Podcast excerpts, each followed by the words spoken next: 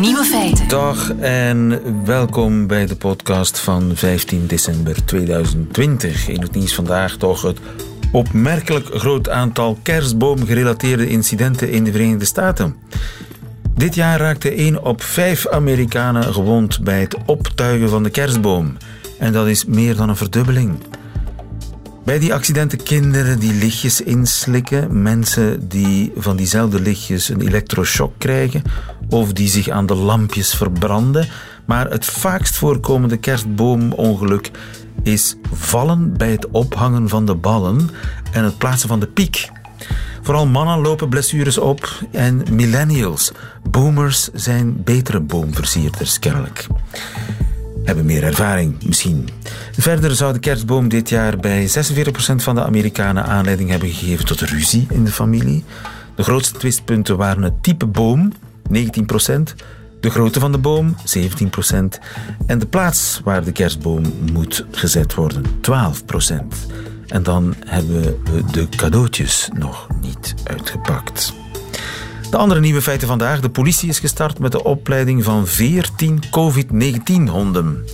Die moeten de ziekte kunnen opsporen, bijvoorbeeld op de luchthaven. Zoals de eerste plaatopname klonken, meer dan 100 jaar geleden, dat is eigenlijk de manier waarop de 19e-eeuwse componisten hun muziek hebben bedoeld. Nederland gaat testen hoe je een evenement kunt laten doorgaan door alle deelnemers eraan te snel testen. Schrijver Christophe Fekeman helpt meezoeken naar de beste boektitel aller tijden in de Nederlandse taal. En de nieuwe feiten van Nico Dijkshoorn hoort u in zijn middagjournaal. Veel plezier. Radio 1. Nieuwe feiten. Wie binnenkort in eh, Zaventem aankomt op de luchthaven, moet misschien zijn zweet laten ruiken aan een hond. Ronnie van Dalen, goedemiddag. Goedemiddag. Van de dienst hondensteun van de federale politie. Waarom is dat dat ik mijn zweet op Zaventem aan een hond moet laten ruiken? Dat is nog iets voorbarig. We zijn nog bezig met een wetenschappelijke studie. Maar als die positief uitvalt, eh, bestaat de mogelijkheid dat we mensen zouden kunnen screenen met honden eh, om COVID-19 eh, besmette personen te kunnen detecteren. Dat is dus een COVID-hond. Dat zal een COVID-hond worden, inderdaad. En die COVID-honden die zijn in de maak? Ja, we zijn uh, gisteren gestart met uh, de geur aan te leren. De geur van positief geteste mensen, dus COVID-positief geteste mensen. Die geur of dat geurbeeld zijn we aan het aanleren aan 14 honden momenteel. 14 honden leren de geur van COVID herkennen. Lijkt me niet zo simpel om die geur te oogsten. Hoe doe je dat? Uh, daarvoor hebben we samenwerking eigenlijk uh, opgestart, enige maanden geleden al, met universiteiten van Luik en Gent en de dierenklinieken van Luik en Gent om eigenlijk bij mensen die positief getest zijn in ziekenhuizen, om daar uh, zweetstalen af te nemen. En dat gaat om uh, oxozweet, uh, die eigenlijk op, op een katoen, een katoenen doekje of op een wat, watte gecapteerd wordt. En blijft dat lang hangen, die geur? Maar die staalname wordt afgenomen en dat wordt onmiddellijk ingevroren op min 20 graden. En zo ah. komt dat ook bij ons toe in ons hondencentrum in Neerespen. En uh, die honden herkennen die, die geur makkelijk. Is dat moeilijk om, om die honden die geur wijs te maken? Dat zijn we nu gestart eigenlijk. Wij bieden uh, momenteel alleen positieve stalen aan. En als de hond ruikt aan dat staal, krijgt hij zijn beloning. Zodanig dat hij een link gaat maken tussen de geur die hij moet herkennen en de beloning waarvoor dat hij moet werken. Ja, maar honden zijn daar in principe heel goed in. Hè. Ze herkennen de geur van cocaïne, van alle mogelijke specifieke drugs. Klopt, deze ervaring hebben we. We hebben zo wat 150 honden bij ons in, uh, in onze directie in verschillende disciplines. En dat is ook de manier waarop dat we onze honden die geur aanleren. We doen eigenlijk juist hetzelfde met uh, COVID-positief verstalen. En hoe groot is de kans dat, dat dat heel accuraat zal zijn? Dat die honden heel accuraat gaan zijn? Ja, dat is het opzet eigenlijk van deze wetenschappelijke studie die tot eind januari loopt. Eh. Nu, in andere landen is men al iets vroeger gestart, eh, met name in Frankrijk. Eh. Daar is al een publicatie rond geweest en de accuraatheid zou boven de 90 tot zelfs 95 procent zijn. Ja, dat is, dat is eigenlijk vergelijkbaar met de PCR-test of misschien zelfs beter. Ja, als ik mijn Franse collega uh, mag geloven die de testen gedaan heeft, is een dierenarts uh, uit Parijs, uh, spreekt hij van een iets hogere betrouwbaarheid zelfs dan een PCR-test. Maar dat is juist de bedoeling van dit wetenschappelijk project om te zien als wij dat ook bevestigd kunnen ja, zien. En je hebt geen verpleegster nodig, je hebt geen wisser nodig, je hebt geen laboratorium nodig, je hebt alleen een hond nodig. En het gaat heel snel. Het voordeel is dat het snel gaat en ja, dat een zweetgeur makkelijk te capteren is. Want dat doet men bijvoorbeeld al in Finland, waar men met een doekje in de nek van een persoon wrijft en dat doekje dan presenteert aan, aan een hond. Maar uiteraard uh, willen we dat altijd bevestigd zien door een PCR-test. Want alle stalen die we nu gekregen hebben, zijn altijd bevestigd uh, door een PCR-test. Ja. En als ik nu heel veel deo gebruik of parfum, wordt die hond daardoor misleid? Um, dat gaan we ook zien als dat uh, zo is, want die gegevens hebben wij ook van de mensen uh, als ze zich uh, recent gewassen hebben, deo gebruikt hebben of niet. dus dat gaan we ook allemaal bekijken in, in dit wetenschappelijk onderzoek. Maar de ervaring leert dat men op alle manieren probeert drugs te maskeren, maar dat de honden het er toch uithalen. Ja, maar als ik even hardop droom, dan zou het toch fantastisch zijn dat jullie met de honden eigenlijk op virusjacht kunnen gaan in bedrijven, op scholen. Het klinkt een beetje politiestaatachtig, maar als we op die manier kunnen vermijden dat die scholen weer dicht moeten, ja, dan lijkt me dat toch uh, te overwegen. Ik denk dat het een aanvulling kan zijn in de huidige methode van, van detectie. Maar eh, ik ben niet akkoord als gezegd politiestaat, want uh, we, we, werken samen met Defensie ook en de civiele veiligheid en de brandweer. Maar de bedoeling is eigenlijk om, om, om verspreiding uh, te kunnen tegengaan. Hoe vlugger dat we kunnen detecteren dat iemand besmet is, hoe vlugger dat hij in quarantaine zou kunnen gaan om te vermijden dat we hoe zeg het, eh, de, de veelverspreiders, eh, dat we die zo vlug mogelijk kunnen detecteren. Hè. Ja. Nee, nee, ik bedoel niet politie. Ik, ik had het meer over het beeld. Het beeld van een, ja, een, een roedel honden die aankomt op een middelbare school. Dat lijkt, het lijkt op een soort razzia, maar, maar natuurlijk, eh, als dat een razzia is op zoek naar het virus, kunnen we daar alleen maar voor applaudisseren, uiteraard. Laten we hopen dat, dat het project goed lukt en dat je dat snel kunt opschalen, toch? Ja, ja, we hebben er goede hoop op, op basis van wat reeds in andere landen gebeurd is. Uh, en ik hoop dat we dat ook zo kunnen uh, waarmaken. En dan zullen we zien wat onze autoriteiten uh, er verder mee doen. Zet er een beetje spoed achter. Dankjewel, Ronnie van Dalen. Goedemiddag. Goedemiddag, dankjewel. Nieuwe feiten. Dat is inderdaad lijstjestijd. Zo de tweede helft van december. Trend van het jaar, beste actrice, lul van het jaar, noem maar op. En eh, wij van Nieuwe Feiten, wij willen eind deze week komen met een heel ander lijstje. Namelijk het lijstje met de 50 beste boektitels aller tijden. Als dat niet rondt, niet de boeken zelf dus, maar de titels interesseren ons. De kracht van een titel. Want iedereen herkent die kracht, maar waar die precies in schuilt, het blijft een raadsel. Christophe Wekeman, goedemiddag. Goedemiddag. Je bent schrijver. Gisteren lanceerden we onze oproep. Stuur uw favoriete boektitels naar ons. Uh, niet uw favoriete boeken, maar uw favoriete titel. Uh, hoe heet jouw jongste boek al, ook alweer? Cruise, dacht ja, ik. Ja, dat klopt. Cruise. Ja, Cruise ja. Hoe belangrijk is een titel voor een schrijver als Christophe Wekeman?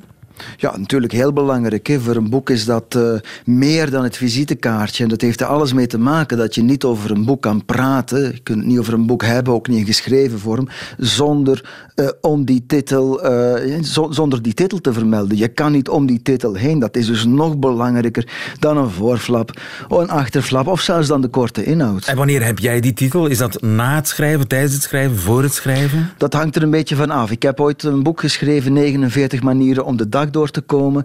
Die titel had ik op voorhand. Dat uh, was ook een knipoog naar dat befaamde liedje van Paul Simon, 50 Ways to Leave Your Lover. Uh, maar er zijn ook Cruise bijvoorbeeld, had ik ook op voorhand, omdat ik meteen wist van kijk, dit gaat zich afspelen op een cruiseschip, dit verhaal. En vind ik dan Cruise ook meteen een heel duidelijke in al zijn eenvoud ook wervende titel. Eh, want een titel hoeft niet altijd heel ingenieus te zijn om goed te zijn. Denk bijvoorbeeld aan Het Diner. Het Diner. Ja, van Herman Koch. Dat is, je weet meteen van, dat is een aantrekkelijke titel. Je voelt je uitgenodigd mee aan tafel te komen zitten. Hè? Uh, een vergeten Vlaamse schrijver, Clem Schouwenaars. Clem Schouwenaars, de naam valt te weinig ja, toch. Hè?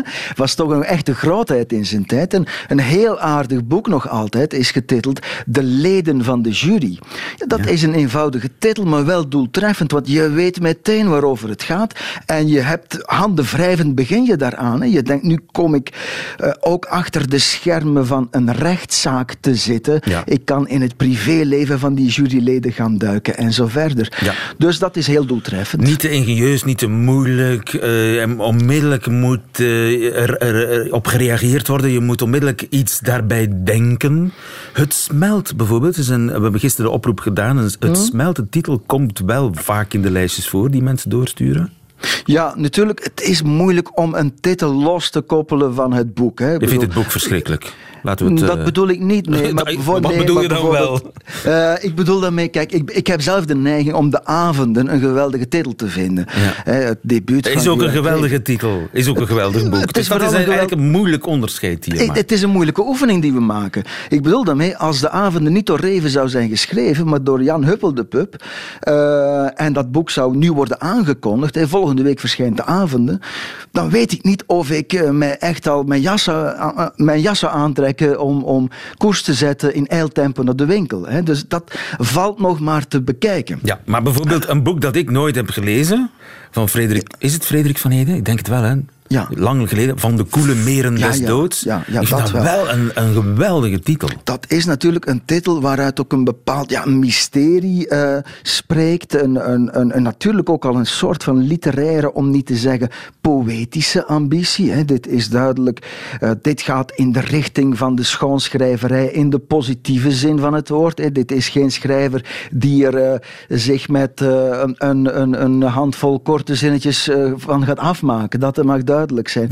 Nu, het smelt overigens is Natuurlijk niet van het gehalte van Van de Koele Meren des Doods, maar het roept wel vragen op. Hè? Wat smelt er juist? Uh, uh, waarom smelt het? Wat zal er overblijven als het is gesmolten? Enzovoort. En dat is natuurlijk ook een vraag die in dat boek zijn antwoord zal vinden. En dat maakt voor mij ook wel een goede titel uit hoor. Ik bedoel daarmee een titel die op het eerste gezicht, op het eerste gehoor aantrekkelijk is, maar die ook een meerwaarde verkrijgt in de loop van je lectuur of na afloop van je lectuur. Mooiste voorbeeld daarvan vind ik persoonlijk De man die werk vond van Herman Brusselmans.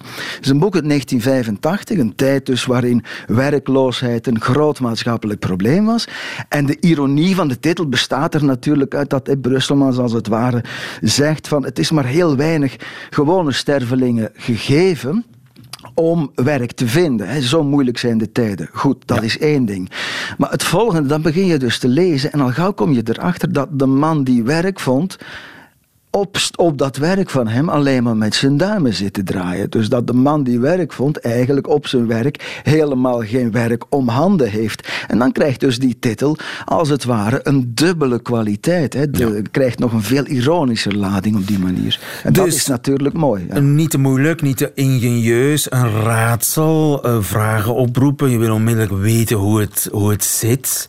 Ritme, cadans, is dat belangrijk? Ja, dat denk ik wel. Aan de andere kant, een titel speelt zich altijd een beetje af op de korte afstand. Hè?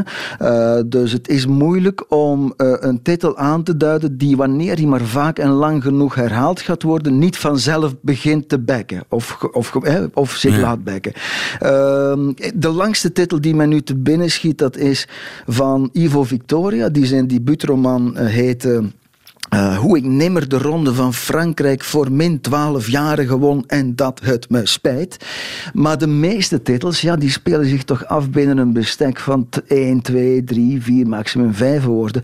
En dan vindt zo'n titel vanzelf zijn ritme wel. Heb ik vaak toch het gevoel. Uh, al zijn er natuurlijk uitblinkers. Hè. Denk aan Louis Couperus. Langs lijnen van geleidelijkheid. Ja, dat is natuurlijk een feest van taal en klank van bij de titel. Couperus was echt de koning van de titels van oude mensen, de dingen die voorbij gaan. Ja, en de boeken der kleine zielen niet te vergeten. Dat is meteen ook een schot in de roos.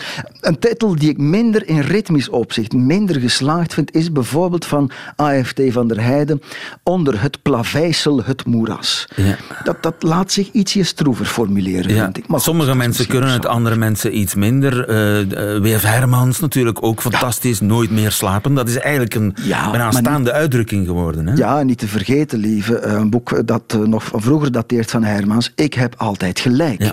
Dat was natuurlijk een titel die in die mate geslaagd was dat hij uh, aan het begin van die schrijversloopbaan meteen ook dat karakter, die schrijverspersoonlijkheid en als het ware de missie van Hermans samenvatte. Hè, Mandarijnen op zwavelzuur. Ook nog natuurlijk, ook, ja, ook heel goed, hè, een toonbeeld van polemiek.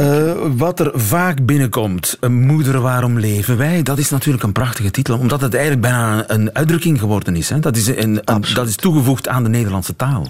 Het geweldige aan, aan die titel en aan die uitdrukking ondertussen is dat je hier met een diep filosofische, existentiële kwestie zit, die tegelijkertijd, doordat de vraag wordt gesteld aan moedertje lief, uh, vanzelf iets heel vertrouwds krijgt, iets heel veiligs bijna. Dus het is een heel gevaarlijke vraag, maar tegelijkertijd met die dichte aanwezigheid van die moeder krijgt het bijna iets knus en, en, eh, of, of iets geruststellends. Hè. Moeder zal het wel weten. En dat is een geweldige combinatie natuurlijk, wanneer je in die titel uh, zowel ja, uitdaagt als geruststelt. Iets waar bijvoorbeeld uh, Griet op de Beek ook heel goed in is. Hè. Kom hier dat ik u kus is ook een, een. Er dreigt gevaar, of er dreigt in ieder geval. Er is een sfeer van onbehagen. Want anders zou je die troostende woorden niet uitspreken. Maar in al je onbehagen kan je dus toch terecht bij degene die je uitnodigt. In dit geval het boek zelf. Dus heel slimme titel. Hè? Uh, we moeten opschieten. Ik ga nog één vraag stellen. Wat is jouw persoonlijke favoriete titel? Internationaal is dat The Heart is a Lonely Hunter. Het hart is een eenzame jager. Ja, maar we hebben het over Nederland. Sorry, hè. Oké, op weg naar het einde van Gerard Reven. Nader tot u?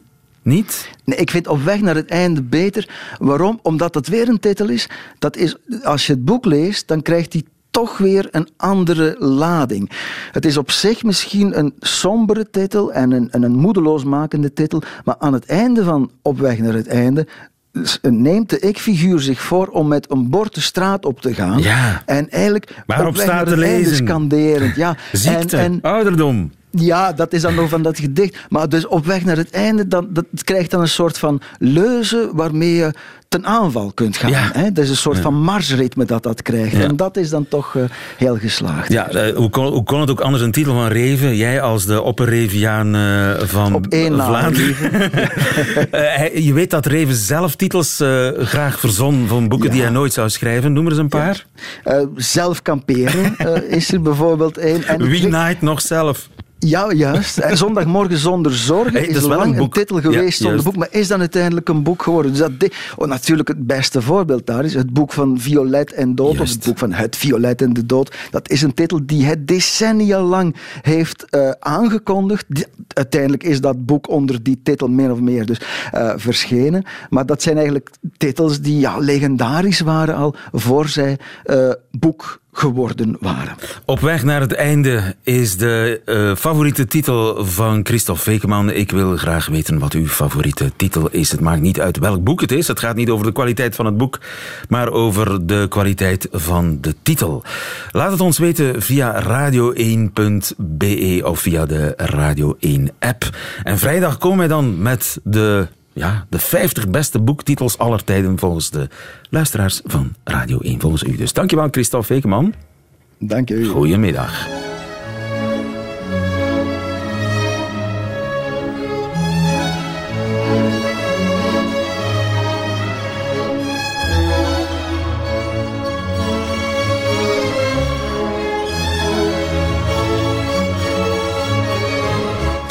Terug naar de bron. Bijna alle dirigenten die proberen het, Bach of Beethoven of uh, Dvorak die we nu horen, laten klinken zoals de componisten het zelf gehoord moeten hebben. Maar bijna al die dirigenten slaan de bal mis zegt Emlyn Stan, want ze zijn een belangrijk bewijsstuk vergeten voor die historische uitvoeringspraktijk. Goedemiddag, Emlyn. Goedemiddag. Emlyn Stan, jij bent uh, altviolist en uh, onderzoeker. Uh, welk bewijsstuk zijn de meeste dirigenten vergeten?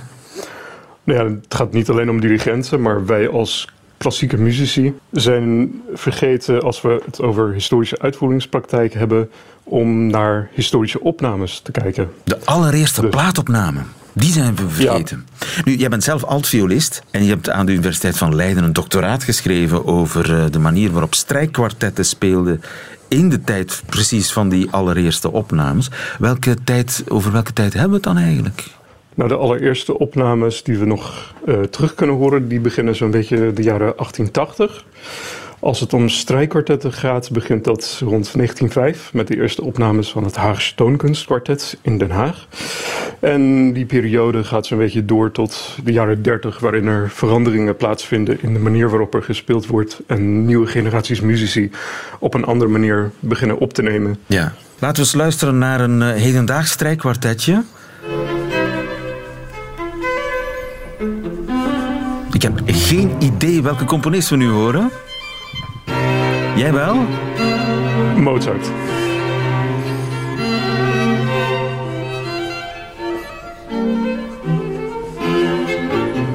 Ja, dus Mozart zoals die vandaag op Clara klinkt, zullen we maar zeggen. En dit zou dan de oude stijl moeten zijn.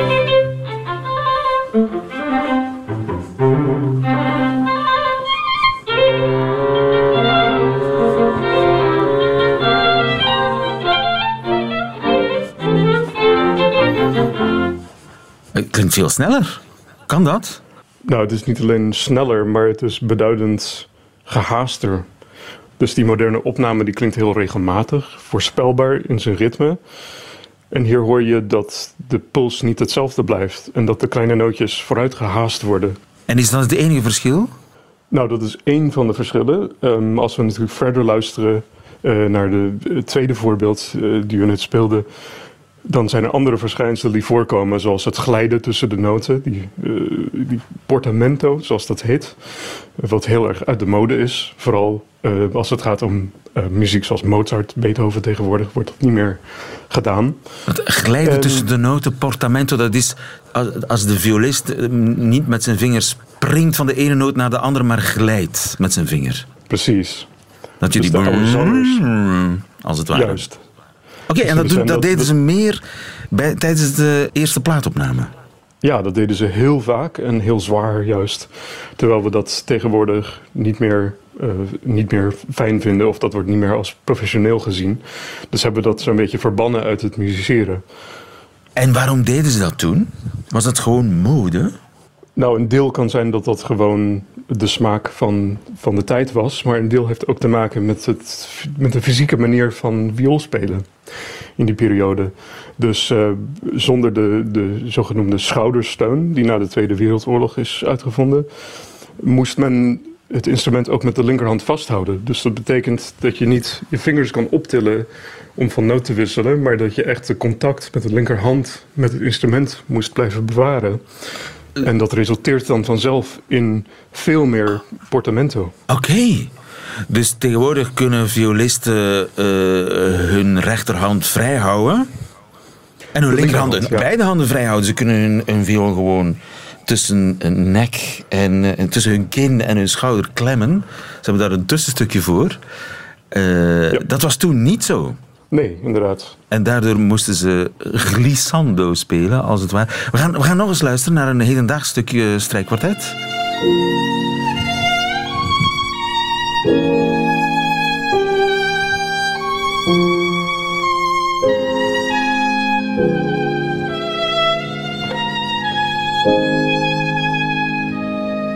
Ik heb geen idee wat we gehoord hebben.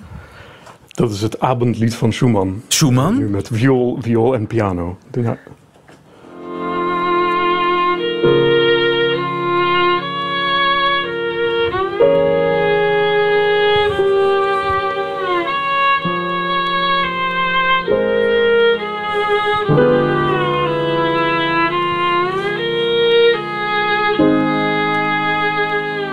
Je dat nu zo zou spelen, dan word je gewoon gebuist, hè? Ja, Op het examen. Het eerste, jaar, het eerste jaar van het conservatorium niet meer door. Dat, dat, De- qua glissando, eh, dit, dit is een soort extreme glissando. nou, nou, in principe niet. Dat was gewoon de manier waarop er ge- geglissandeerd werd in die oude opnames. Dus eh, dat heb ik zo nagespeeld en, en zo klinkt dat dan. Ehm, en dat was volstrekt normaal voor de muzici in die tijd. Maar natuurlijk, die, die componisten zelf, die waren toen ook al lang dood. Hoe zijn we nu zeker dat de stijl van toen, van tijdens die eerste opname, dat dat dichter bij de historische praktijk staat dan de hedendaagse stijl? Ja, een heleboel niet. Dus we hebben natuurlijk opnames van componisten zelf, zoals Elgar en Mahler. En mensen zoals Karl Reinecke, die ook met Mendelssohn gestudeerd hebben. Ehm, en daarvan kunnen we zeggen dat, dat deze historische technieken heel erg duidelijk aanwezig zijn. En wat we ook weten is met de historische opnames, hoe verder we teruggaan in de tijd, naar de 19e eeuw, hoe verder die, dat spelen van ons afstaat. Dus hoe uitgesprokener dit soort elementen worden. Dus dat doet vermoeden dat waarschijnlijk als we nog verder zouden gaan, eh, teruggaan in de tijd, als er nog oudere opnames hadden mogen bestaan, dat er waarschijnlijk eh, op een nog radicalere manier gespeeld was geweest in het midden en aan het begin van de 19e eeuw. En we moeten natuurlijk ook niet vergeten dat heel veel van de muzici die we begin 20e eeuw horen op oude platen, volledig opgeleid zijn in de 19e eeuw. Dus die hebben hun speelstijl, ehm, hun carrière gemaakt in de 19e eeuw, eh, waarin al die grote componisten die eh, onderdeel zijn van de kanon tegenwoordig eh, geschreven hebben. Ja, dus als er niet rechtstreeks contact was tussen componist en uitvoerder, zat- dan zat daar maar één generatie tussen, een leraar, die het wel ja, moet overgeleverd hebben zoals het was. In ieder geval, we, we krijgen dus niet, ja, in ieder geval heel veel diversiteit, dat wel, in, het, in de verschillen tussen die muzici uit die periode. Maar die algemeenheden, zoals de vrijheid van tempo, de, het glissando waar we over gesproken hebben, die blijven hetzelfde. Het vertrek van het letterlijk nemen van, het parti- van de partituur die we zo op prijs stellen vandaag, ehm, dat is zeer aanwezig bij die hele groep muzici. Laat duizend bloemen bloeien. Dat is eigenlijk eh, de basisconclusie. Emlyn Stan, dankjewel. Goedemiddag. Hartelijk dank. Feiten. Radio 1. De frustratie is groot in Nederland dat opnieuw in lockdown moet nadat het aantal besmettingen de voorbije dagen spectaculair was toegenomen. Waarom, vroeg collega Marielle Tweebeke gisteren, waarom hollen we steeds maar achter het virus aan? Moeten we er niet gerichter naar zoeken met sneltesten? Dat vroeg ze gisteren op de Nederlandse televisie aan de minister van Volksgezondheid. Maar gaat u de besmettingen ook opzoeken met die sneltesten? naar de scholen toe, ja, naar de natuurlijk. We mensen? starten in januari bijvoorbeeld twee pilots in gemeenten. In twee gemeenten. Omdat hele Waar- grootschalige... Waarom steeds pilots? Ik denk, ze zijn er. Waarom gebruiken we ze niet meteen? Klopt, omdat we gebruiken ze ook. We gebruiken ze Maar gericht pilot. en grootschalig. Minister van Volksgezondheid Hugo de Jonge gisteren in Nieuwsuur op de Nederlandse televisie. Andreas Vos, goedemiddag. Goedemiddag. U bent eh, hoogleraar infectiepreventie in Nijmegen aan de Radboud Universiteit. U werkt mee aan een proefproject, een pilot die in januari zal starten om te kijken hoe je met sneltest events kunt eh, open laten gaan, kunt laten doorgaan. Eh, Dat, dat klopt. Dat, dat, dat is het zogenoemde Field Lab evenementen. En daarbij gaat het erom om op een gecontroleerde manier eh, kleine events na te, na te bouwen, zou je zo kunnen zeggen. Eh, en daarin data te verzamelen die het mogelijk maken eh, in de toekomst events door te laten gaan op een manier die niet volledig volgens de huidige regels is, maar waar we wel de veiligheid van de bezoekers kunnen garanderen. En wat gaat er precies eh, gebeuren? Welk evenement gaat u eh, organiseren? ja, er worden, in totaal hopen, we, hopen wij vier verschillende typen van events te kunnen organiseren. De eerste die nu al uh, toegestaan zullen worden, ga, zijn een voetbalwedstrijd met 1500 deelnemers. 1500 uh, deelnemers in het publiek? Dat is al niet min. In het publiek. En dat is, niet, dat is niet weinig, zeker als je nu weet wat in principe nu toegelaten is. Uh, maar daarbij gaat het, en dat is natuurlijk buiten de lockdown uiteraard, maar daarbij gaat het erom dat in verschillende bubbels, dus kleinere groepen, die dan wel bij elkaar zitten, uh, data verzameld worden over hoeveel contacten hebben mensen nu feitelijk. Nou, niet iedereen heeft met iedereen contact. Wat zijn de verschillen als je verschillende zitpatronen toepast? Wat zijn de verschillen als je de mensen horeca brengt in plaats van hun na het eten en het voedsel te laten gaan? Uh, hoe vaak worden maskers gedragen, et cetera, et cetera. Dus we kunnen per video en per tracker alle mogelijke data verzamelen van het publiek. Om dan in de toekomst modellen te kunnen bouwen. CQ ook maatregelen te verzinnen hoe we veilig events kunnen laten doorgaan. Ja, dan ga je heel precies zien uh, hoe springt het virus over van de ene op de andere en wanneer? Ja, deze events worden uiteraard gedaan in een 100% getest publiek. Dus wij, wij kunnen en, en hopen niet te zien dat we feitelijke overdracht van virus in het publiek zien. Maar we kunnen zien wat de kansen daarvoor zijn. De, de, de deelnemers dragen bijvoorbeeld trackers. Uh, waarbij we exact kunnen zeggen, ze waren x aantal minuten in contact met zo en zoveel mensen. Dus uh, we kunnen de kansen van overdracht uh, bekijken. En de feitelijke contacten en het feitelijk gedrag van de deelnemers. Maar we hopen uiteraard geen echte overdracht van virus te zien. U gaat geen besmettingshaard organiseren, dat voor alle duidelijkheid. Dat is nee, niet de bedoeling. En, en die, die, dus de deelnemers aan het experiment worden allemaal getest. Is dat met sneltesten? Nee, de, de testen vooraf zijn met een PCR-test. Waarbij wij uh, in de laatste twee dagen voor het event zijn. Waarbij om uh, de sneltesten te testen, ook deze worden meegenomen. Namelijk bij entree wordt bij een steekproef nog een keer de sneltest uh, toegepast. Puur om de ervaring met het afnemen van de sneltest in deze populatie door de eventorganisatie zelf te kunnen krijgen. Ja. Oké, maar dat, we moeten dus nog afwachten of je een uh, voetbalmatch zo kunt organiseren met 1500 mensen dat er bijna geen contacten zijn tussen uh, die uh, supporters. Nou, het gaat niet alleen om nog bijna geen contacten. Maar het, gaat, het gaat erover hoe je voetbalstadia, theaters, congressen volgens kan doen met een hogere bezettingsgraad dan die die onder de huidige maatregelen van toepassing is. En dat is mogelijk door onder meer uh, en de sneltesten toe te passen. Uiteindelijk zullen de, de toepassen van de sneltesten een belangrijke uh, maatregel in deze zijn. Hoe bedoelt u dat? Ik bedoel dat uiteindelijk, uh, als wij meer mensen in theaters, bioscopen en in een, in, een, in een voetbalstadion willen krijgen, dan is dat niet alleen te doen waarschijnlijk door de mensen anders te plaatsen, uh, om, als je voldoende mensen wil hebben, dan kunnen wij niet in alle tijden anderhalf meter van elkaar kunnen toepassen op alle momenten. En uh, dan is het snel testen van de populatie voor het event waarschijnlijk de, de maatregelen die dat mogelijk maken. Ja, maar dan moet u eigenlijk voor elke theatervoorstelling iedereen snel testen? Nou ja, dat hangt daarvan af. Dat hopen wij uit die data van de pilot event te krijgen. Of, of het echt iedereen moet zijn, of het een steekproef moet zijn. Uh, dat, dat zijn de modellen die wij aan hand van de data uit de pilot events hopen te kunnen maken.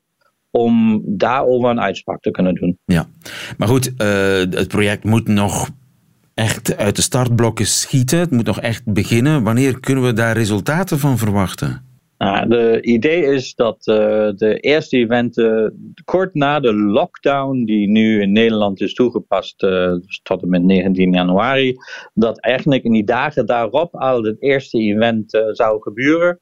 En wij hopen toch voor maart data in handen te hebben om hier duidelijk iets over te kunnen zeggen. Ik wens u daar heel veel succes mee, professor Vos. Dank je wel. Goedemiddag. Graag gedaan. Doei. Goedemiddag. Dat waren ze, de nieuwe feiten van vandaag, 15 december 2020. Alleen nog die van ons zonnetje in huis. Heeft u te goed? Nico Dijkshoorn. Nieuwe feiten. Middagjournaal. Beste luisteraars. U kent mij inmiddels wel een beetje. Ik koop graag zinloze voorwerpen. Gisteren kreeg ik bijvoorbeeld een elektrische tandenborstel binnen, die je kunt laten communiceren met je telefoon. Je krijgt een vocaal schouderklopje als je netjes twee minuten hebt gepoetst. Goed gedaan, Nico. En dat deed mij weer goed. De laatste keer dat iemand heel hard zei dat ik iets goeds had gedaan, was toen ik mijn veterdiploma haalde. Ik kon, na drie weken oefenen, zelfstandig mijn schoenen aandoen. En ik moet zeggen, je hebt er je hele leven iets aan. Alle wiskunde die ik op school heb geleerd, alle Duitse naamvallen, ik ben ze vergeten. Maar mijn veterdiploma heeft mij toch wel zo'n beetje door het leven heen gesleept. Ik zie mensen in het openbaar vervoer wel eens naar mijn schoenen kijken. Ze zeggen het natuurlijk niet hardop, maar ik weet precies wat ze denken. Ach, kon ik dat maar. Zo'n kordate, symmetrische, perfecte knoop in mijn schoenveters leggen. Maar luisteraars, daar wilde ik het helemaal niet over hebben. Wat ik u wilde vertellen is dit. Sinds gisteren ben ik niet meer de ongekroonde koning van de zinloze aankoop. Het zit namelijk zo: Tanja en ik keken een week geleden samen naar de televisieserie The Mandalorian. Dat is een science fiction serie vol met karakters uit Star Wars. Een van de hoofdpersonen is Baby Yoda. Een groen babywezen met ogen als stuiters en een heel lief mondje. Baby Yoda kan voorwerpen laten zweven en ondertussen brabbelt hij allerlei onverstaanbare babyonzin. Tanja, die in haar hele leven nog nooit één Star Wars film heeft gekeken, stond meteen in vuur en vlam. Zij wilde ook een baby Yoda. En luisteraars, u vermoedde het waarschijnlijk al, hij staat nu naast me. Op ware grootte. Met een soort pilotenjek aan en twee groene wijd uitstaande oren. En ik geef het hier maar gewoon toe. Ik heb Tanja uitgelachen, ik heb haar bespot, ik heb haar aankoop geridiculiseerd. Maar nu hij veertien uur bij ons in huis is, ben ik verliefd op baby Yoda. Ik praat met hem. Ik roep, baby Yoda wil je koffie? En dan begint hij te praten. En dat klinkt als volgt. Luisteraars, baby Yoda is er precies op tijd. We mogen hier in Nederland van de regering geen zinloze dingen meer kopen. Maar Tanja en ik, wij hebben baby Yoda. We zijn nooit meer eenzaam. Ik ga hem nu vragen wat hij wil eten vanavond. Wat wil je eten, baby Yoda? Hij wil boerenkool met worst.